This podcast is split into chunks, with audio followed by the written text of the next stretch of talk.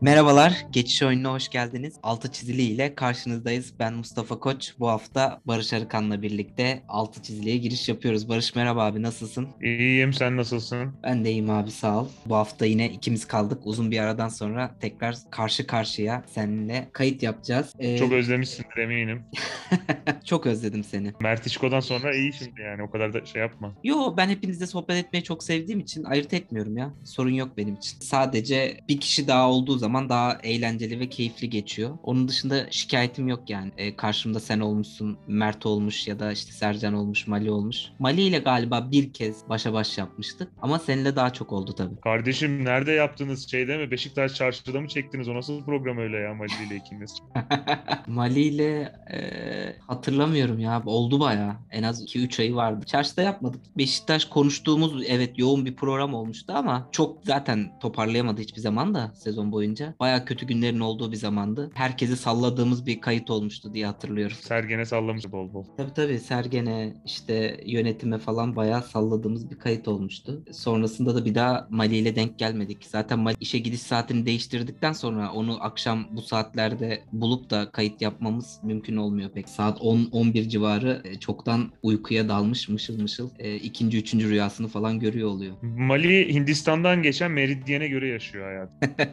Diyerek bu hafta konuşmak istediğimiz ana konumuza istersen geçelim. Hafta sonu Formula 1 başlıyor. E, ilk yarış Bahreyn'de gerçekleşecek. Geçtiğimiz sezon harika bir rekabet ve müthiş bir final izlemiştik biliyorsun Barış. E, bu sezonda rekabetin devamı için beklenti yüksek tabii. Yani, takımlar da bir taraftan e, yarışlara başlayacak ama tam hazırda sayılmazlar. E, özellikle Mercedes'in çok sorun yaşadığı konuşuluyor. Gerçi bunun her sezon öncesi bir taktik olarak onların e, yaydığı haber olduğu da sürekli hani konuşuluyor ama sorun yaşayan, daha tam hazır olmayan en az ikinci, üçüncü yarışta yavaş yavaş rayını bulacağı bazı takımların sorunlarının olduğu konuşuluyor. Senden e, birazcık dinlemek istiyoruz. Bu sezon bizi neler bekliyor? Nasıl görüyorsun sence? Nasıl bir sezon geçireceğiz? En azından başlamadan önce neler düşünüyorsun? Bunu söyleyeyim. Geçen sene çok güzel bitti ama şu an kartlar yeniden dağıldı. Arabaların, kullanılan araçların dizaynı tamamen değişti. Yeni kurallar, mantığı değişti, sürüş mantığı değişti hatta. Lastikler değişti. Her şey değişti aslında. Ee, ve onun için işte testleri farklı bir gözle izledik. Yani sıfırdan e, yeniden oluşturulan araçlarla takımlar hazırlandılar bu sezona. Burada da şöyle bir durum var. Ferrari,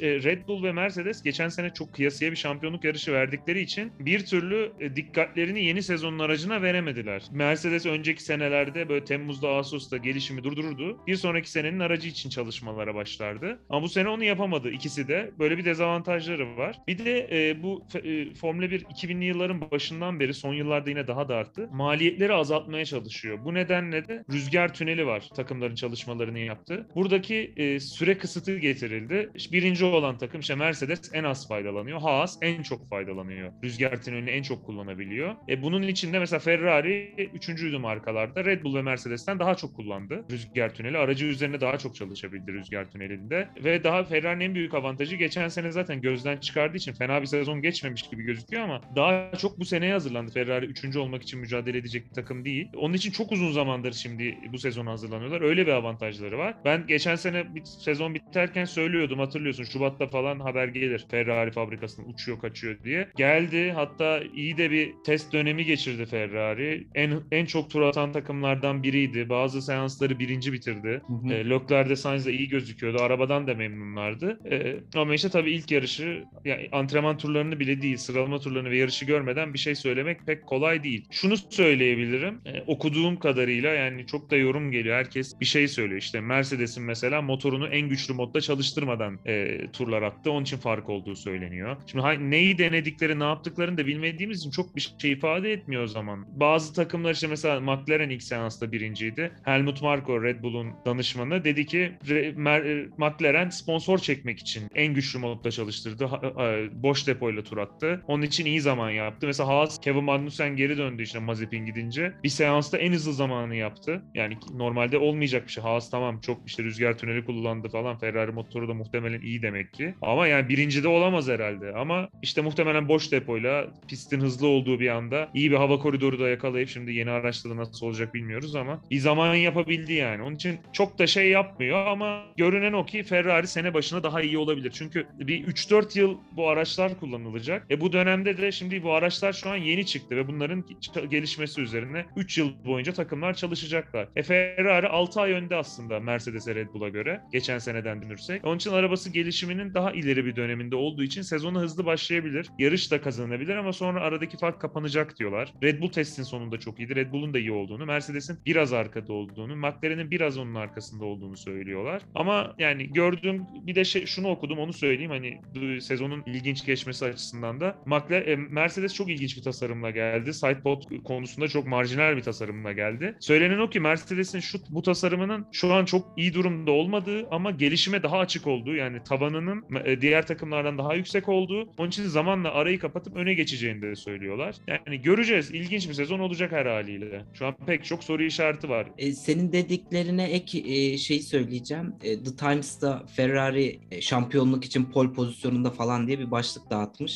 Yani senin dediğin gibi Ferrari konusunda beklenti yüksek. Her e, zaman öyle. Evet evet yani tabii ki her zaman öyle ama dediğin gibi farklı bir hazırlık vardı bu sezon için onlar adına. Muhtemelen daha paydaşın fazla olduğu bir sezon geçireceğiz gibi görünüyor. Ki dediğin gibi kartlar yeniden dağıtıldı. Evet. Bilinmezin daha fazla olduğu ve sürprizlerin bol yaşanabileceği bir sezonda sanki göreceğiz gibi değil mi? Zaten amaç şuydu. Mesela Mercedes geçen sene, iki sene önce o kadar hızlıydı ki yani Hamilton'ı hatta Bottas'ı gridin sonuna koysan birkaç tur içinde önlere geliyorlardı. Tur başına bir saniye, bir buçuk saniye bazı pistte fark atabilecek kadar iyi bir araçları vardı ki yani bazı pistte Red Bull'a, McLaren'e dahi, Force India o zaman iyiydi. Onlara dahi o kadar bir fark vardı. Amaç yani bu farkların azalması ve pilot kalitesiyle, pilotajla o farkın bazı pistlerde kapatılması, işte bir heyecan gelmesi, geçişlerin daha kolay olması. Araçlar birbirine yaklaşınca fark kapanmıyordu. Araçların aerodinamik yapıldığı. Onunla biraz oynadılar. Ee, yani onu biraz e, düzeltmeye çalıştılar öyle söyleyeyim. Hı hı. Yani göreceğiz. Şu an bilinmez. Mesela şöyle bir sorun oldu tasarımda. Tabii rüzgar tünelinde ya da şeyde görememişler bu e, bilgisayar ortamında. Araçlarda bir böyle dalgalanma diye çevriliyor.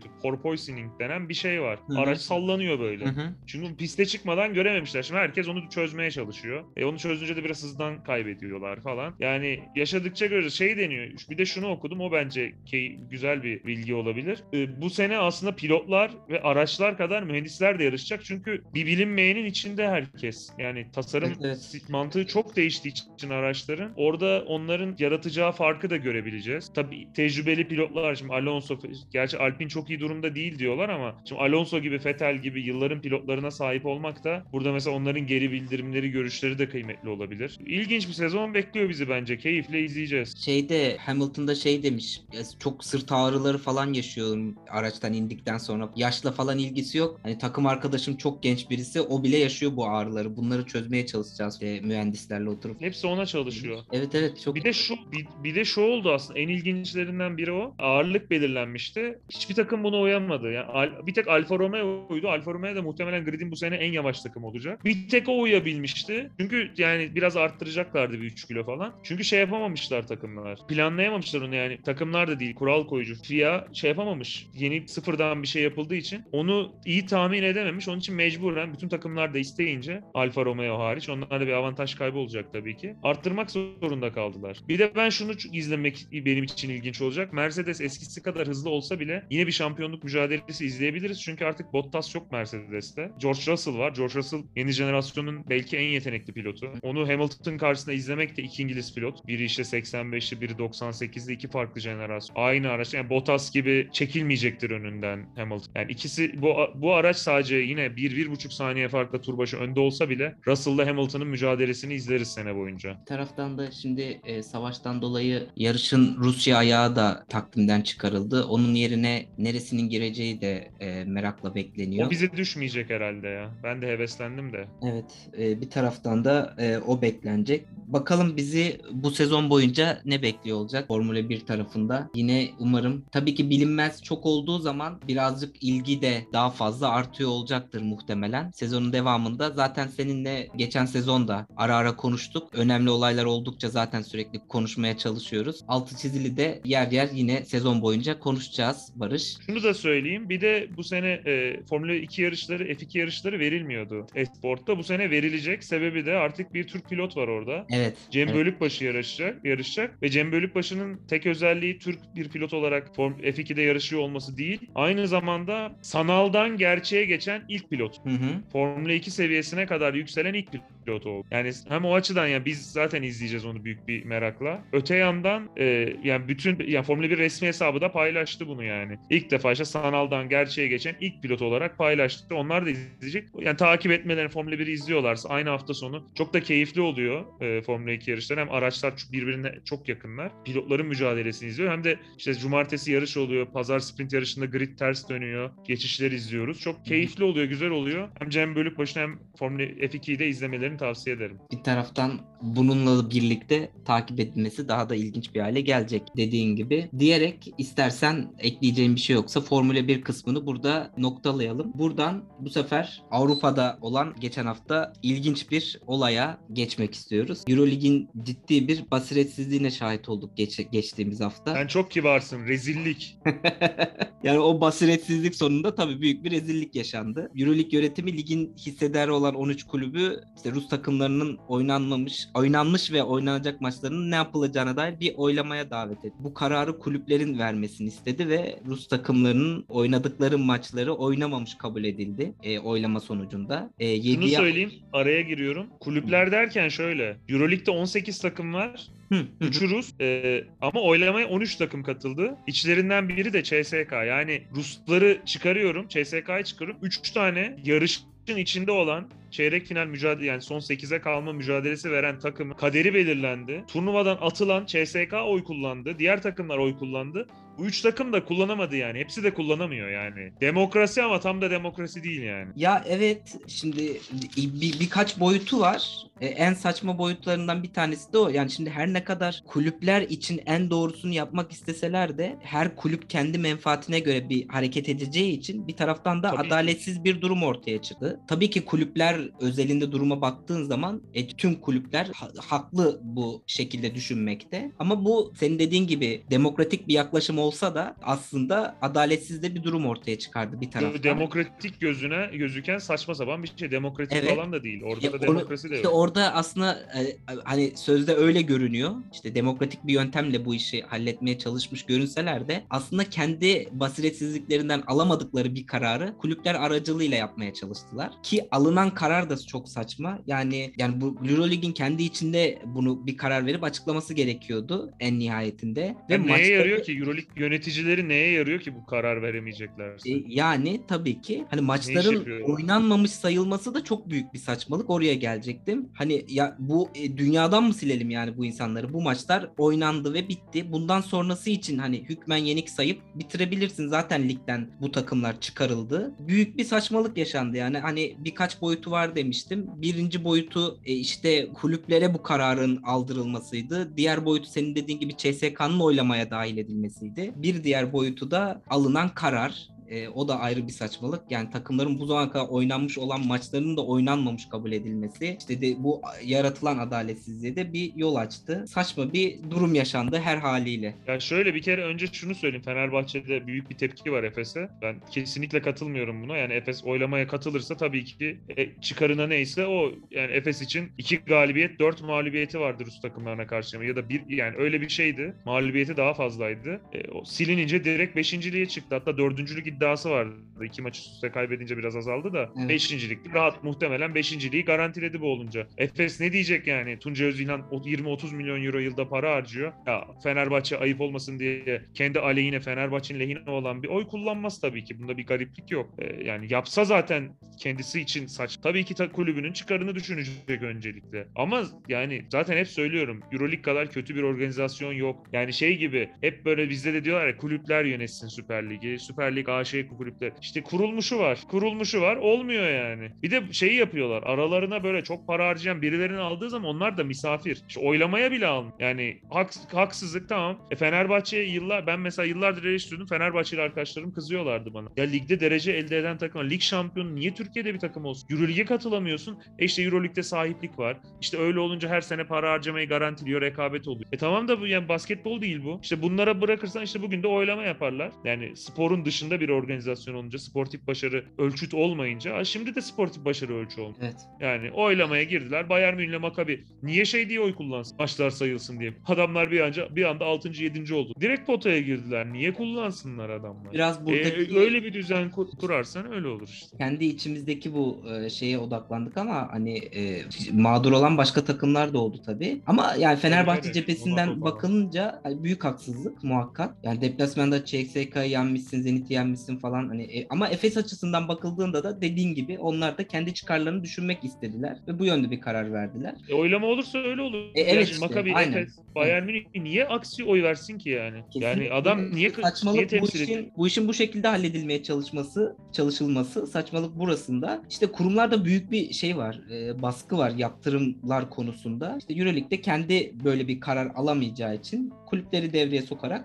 Şeyi anlıyorum bu arada. Şeyi anlıyorum ben Mustafa. Yani Rus takımlarını elemek yanlış bir karar değil. Çünkü şimdi Rus takımlarına gidip kimse maç yapamaz ki şu an güvenli bir şekilde. Yani şimdi mesela Maccabi Tel Aviv gidip Moskova'da, St. Petersburg'da maç yapabilir mi? Tabii ki ama işte e, Hatta zaten biz yani e, takımı abi sen zaten ligden şu an için bir sonraki karar alınana kadar takımları o Rus takımlarını ligden çıkardığını açıkladın. Hükmen yenik sayarsın önümüzdeki fikstürde. Bitirirsin. Bu zamana kadar oynanmış maçlar zaten oynanmış bitmiş. Yo daha iyi teklif de vardı. Şunu yapacaklardı. Şimdiye kadar oynanan maçlar oynanmış. Tamam onlarda bir sıkıntı yok. Bundan sonraki maçları oynatmayacaklardı. NBA'de de herkes herkesle eşit sayıda maç oynamıyor.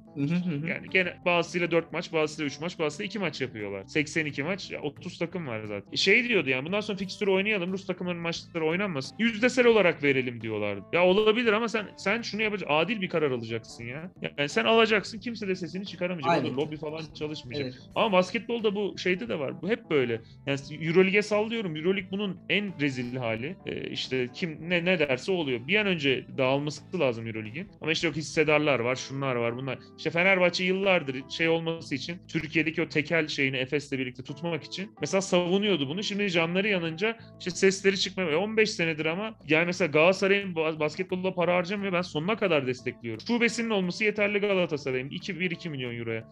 Para harcayıp ne yapacak? Misafir gibi alacak. Euro, Euro Cup'ı kazandı Galatasaray. Misafir gibi aldılar. Ertesi sene geri Euro Cup'a yolladı. Yani olacak bir şey değil. E ama yani bu basketbolda yıllar mesela 2010 Dünya Kupası'ydı yanılmıyorsam. Biz çok kötüydük. Eleme falan yoktu o zaman. Avrupa Şampiyonası'ndan gidiliyordu. Biz katılma hakkı kazanamamıştık. Bizden Rusya falan Rusya gidemedi galiba. Yani şey, wild card veriliyordu. Wild card niye verilir zaten? O da ayrı bir saçma. Hı hı. Wild card bizim üstümüzdeydi Rusya. Kirilenko falan oynuyordu o zaman. Rusya'yı değil bizi aldılar. Şeyden dolayı. Turgay Demirel lobisini kullandı. Bizi aldılar. Yani böyle Dünya Kupası'na katılınır mı? O zaman Avrupa Şampiyonası'na katılan niye başarılı olup gidiyor? Evet. Amacı ne? Ya da elemeye katılan niye katılıyor? Rusya'nın günahı ne? Evet işte bu Yani- herkes kendi çıkarları için maalesef o deminden de Euroleague'in kuruluşundan da işleyişinin nasıl devam ettiğinden de bahsettin. O yerel rekabeti de birazcık öldürmeye yönelik iş. Amaç o zaten. Evet Amaç maalesef. oydu zaten. Soldaki Süper Lig'e de ben onun için karşı. Yani hiç Tabii tabii yani şey değil. işte geçen sene uzun uzun konuştuk. Ya iş yine oraya gidecek tabii futbolda da e, maalesef bazı büyük e, çıkarlar uğruna o yerel rekabetler öldürülmeye çalışılıyor. Hazır e, şey demişken Euroleague konusunda daha ekleyeceğim bir konu yoksa e, Avrupa Süper Ligi'nde de e, değinmişken bugün harika bağlıyorum konuları birbirine. Hakikaten E, ya. Şampiyonlar Ligi'nde de ilgili bir iki e, laf edip öyle kapatalım istiyorum. E, bu, bugünkü podcast. Çünkü bu- bugün aynı zamanda e, Şampiyonlar Ligi akşamı. Biz de kaydımızı tamamladıktan sonra maçları izlemeye geçeceğiz. Geçen hafta Real Madrid Paris Saint Germain maçının rövanşı oynandı. Bir önceki maçta e, Paris Saint Germain maçı başından sonuna hakim götürüp 1-0'da son dakikalarda Mbappe'nin attığı harika golle 1-0'da kazanmayı bilmişti. Ki ondan sonra herkes zaten e, Madrid'in artık bu işi e, götüremeyeceğini düşünmüştü. Çünkü sahada silinmişlerdi neredeyse tamamen. Ama öyle olmadı. Bir pankart açılmıştı şeyde Avrupa'nın kralı biziz diye. Real Madrid taraftarı bir pankart açmıştı Kimse maçtan. itiraz edemez herhalde. Gerçekten de öyle olduklarını Ben bile edemem. Hiç Yani. nefret ederim. Ben bile edemem yani. yani gerçekten öyle olduklarını gösterdiler maçta. Benzema da çıktı 3 tane gol attı. Ee, yine Mbappe golünü golünü atmıştı ama maç 3-1 Real Madrid'in galibiyetiyle bitti. Bayağı e, yani maç da çok güzeldi bir taraftan. E, zaten böyle bir skorla biten bir maç güzel olmaması imkansız. Ama bir taraftan da işte gerçekten büyük kulüp olmak nasıl bir şey onu da göstermiş oldular. Ya büyük bir takımla büyük futbolcuları olan bir takımın maçıydı aslında. İşte büyük takım kazandı. Onda da iki tane tabii Modric Benzema çok büyük. Ya ben Benzema en büyük Real Madrid efsanelerinden biri. Bu kadar underrated bir oyuncu olamaz. Neyse son yıllarda da biraz değeri anlaşılıyor. Gerçekten çok özel bir oyuncu Benzema.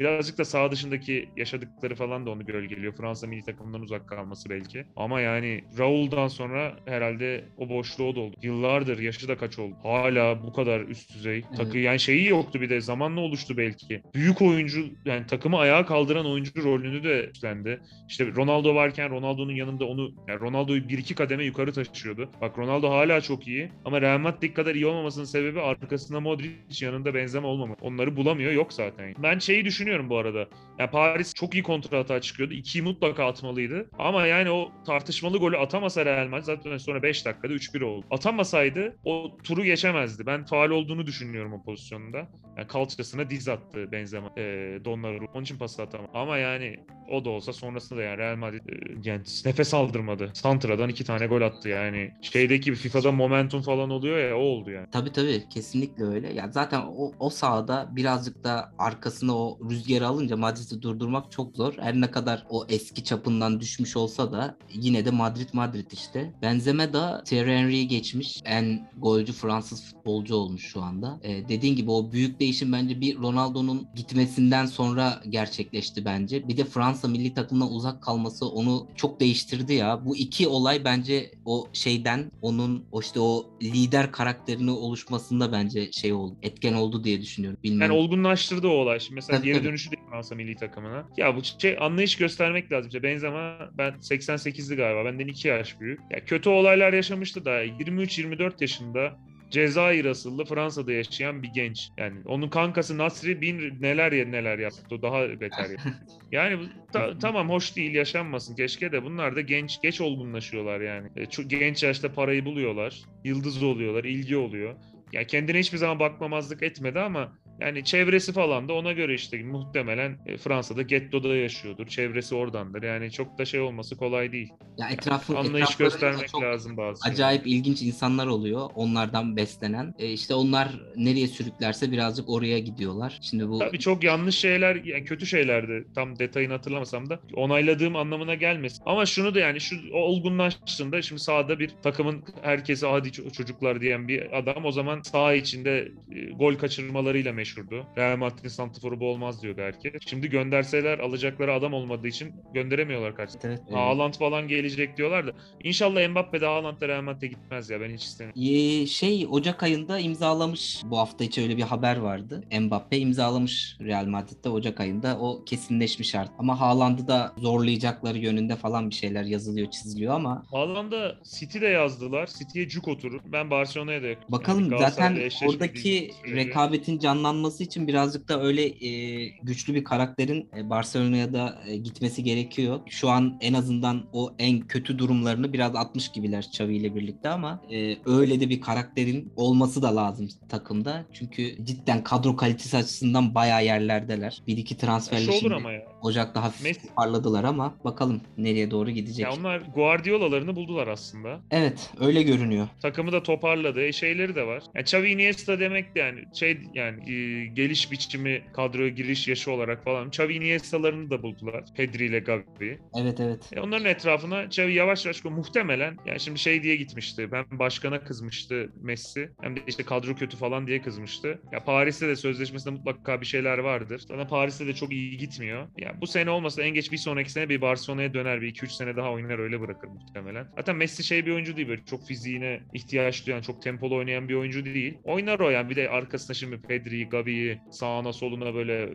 işte Ferran Torres'ler falan pırpırları koyunca Messi onlarla çatır çatır oynar. Eski günlerine döner. Onlar da Messi de dönerse işte Mbappe olur bir tarafta. Bir tarafta Messi olur. Yine izleriz de İsmail Ligi'nin sorunu da onlar dışındaki takımlar yani bir iki takım hadi Sevilla, biraz Betis, Atletico ama çok kötü diğer takımlar ya. Elche falan yani. Evet maalesef. Çıkmıyor da aşağı. Onların işte o Lig'in- yayın ihalesinin neredeyse tamamını kendilerine alıp geri kalan takımlara neredeyse hiçbir şey bırakmadıkları için diğer kulüpler ligler bitti. Onlar bitince lig de bitti maalesef. Rekabet Ya bitti. sadece on, sadece ondan değil ama Mustafa bak Sassuolo da büyük bir geliri yoktur muhtemelen. Ama Sassuolo her yani 3 3 büyüğün üçünü de deplasmanda yenmiş mesela. İki şey Inter, Milan, Juventus. Her sene bir sürü oyuncu satıyor. Mahalle takımı gibi bir şey. İspanya yani La Liga'da öyle takım da pek yok. Yani koca koca şehirlerin takımları çok şeyler yani. Yani çok kötü lig- durumdalar.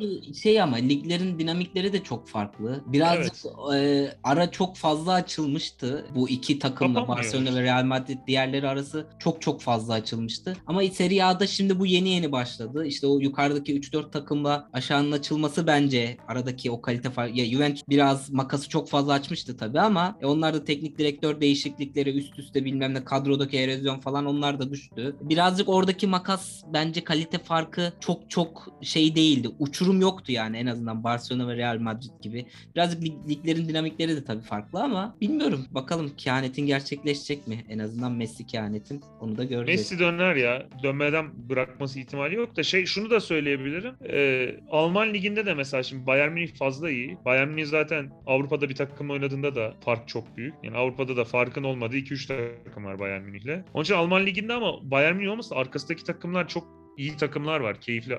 6-7 tane 8 tane böyle birbirine yakın izlemeye değer takım var. Mesela Alman liginde öyle avantajı. İngiltere'yi söylemiyorum zaten. İngiltere'de e, hatta Championship'teki takımlar bile çok büyük Orası artık bambaşka bir boyuta geçti abi. Başka bir seviye. Evet işte onlar da oradan yani İngiltere, Almanya, İtalya ayrılıyor. İspanya yani Mbappe şey de gelse açar El Clasico'yu keyifle. Bu hafta sonu yine izleriz Barcelona hareketlendi diye. Ama yani İspanya Ligi o kadar ben izlenebilir bulmuyorum açıkçası. Fransa Ligi'nde bile izlediğim bir iki takım oluyor arada. Mesela bir ara Lyon'u takip ediyordum. Bir ara Saint Etienne'i böyle kadroyu sevip sevdiğimde. İşte Nice'i bazen. Ama yani İspanya'da öyle takım da pek olmuyor. Haklısın haklısın. Bakalım bu akşam da Manchester United Atletico Madrid maçı var bir taraftan. Ee, öne çıkan maç akşamın. Bir de UEFA Avrupa Ligi eşleşmesi var. Ajax Benfica. Evet Ajax Ben- Benfica. Onlar da bir önceki e, maçta yaptıkları Ajax'ın tanıtım filmiyle bayağı konuşulmuşlardı. Bir de onların maçı olacak. Şeyin de Atletico Madrid e, United maçının da enteresan bir noktası var. Bu 98 Dünya Kupası'nda Arjantin İngiltere maçında biliyorsun Simone ile Beckham'ın yaşadığı bir olay vardı ve kırmızı kart görmüş. Evet bilmez miyim? E, Sonra Beckham kariyerinde o 1-2 yıl çok ciddi bir şey olmuştu. E, Çok ciddi bir sıkıntı yaşamıştı. İngiltere'de e, linç linçe uğramıştı yani. Büyük bir linçe Şu uğramıştı. free kick golünü 2002 Dünya Kupası'na at- götüren free kick golünü at- atın, atana kadar Evet. sıkıntı evet. yaşamıştı. Evet o sadece United taraftarı teknik direktörü ve ailesinin hani ona sahip çıktığını anlatıyor o dönemle alakalı. Şimdi teknik direktör olarak ilk defa Old Trafford'a gelecek Simone. Bu maç da o yüzden biraz ilgi çeken bu hikayesiyle ilgi çeken maçlardan bir tanesi. Ben Aklıma şeyi geldi. bekledim. Beckham da çıkacak oynayacak falan mı diyeceğim de çünkü adam yani fizik olarak oynar yani. Benden genç duruyor adam. Fizik olarak kesinlikle oynar ama koşamaz muhtemelen.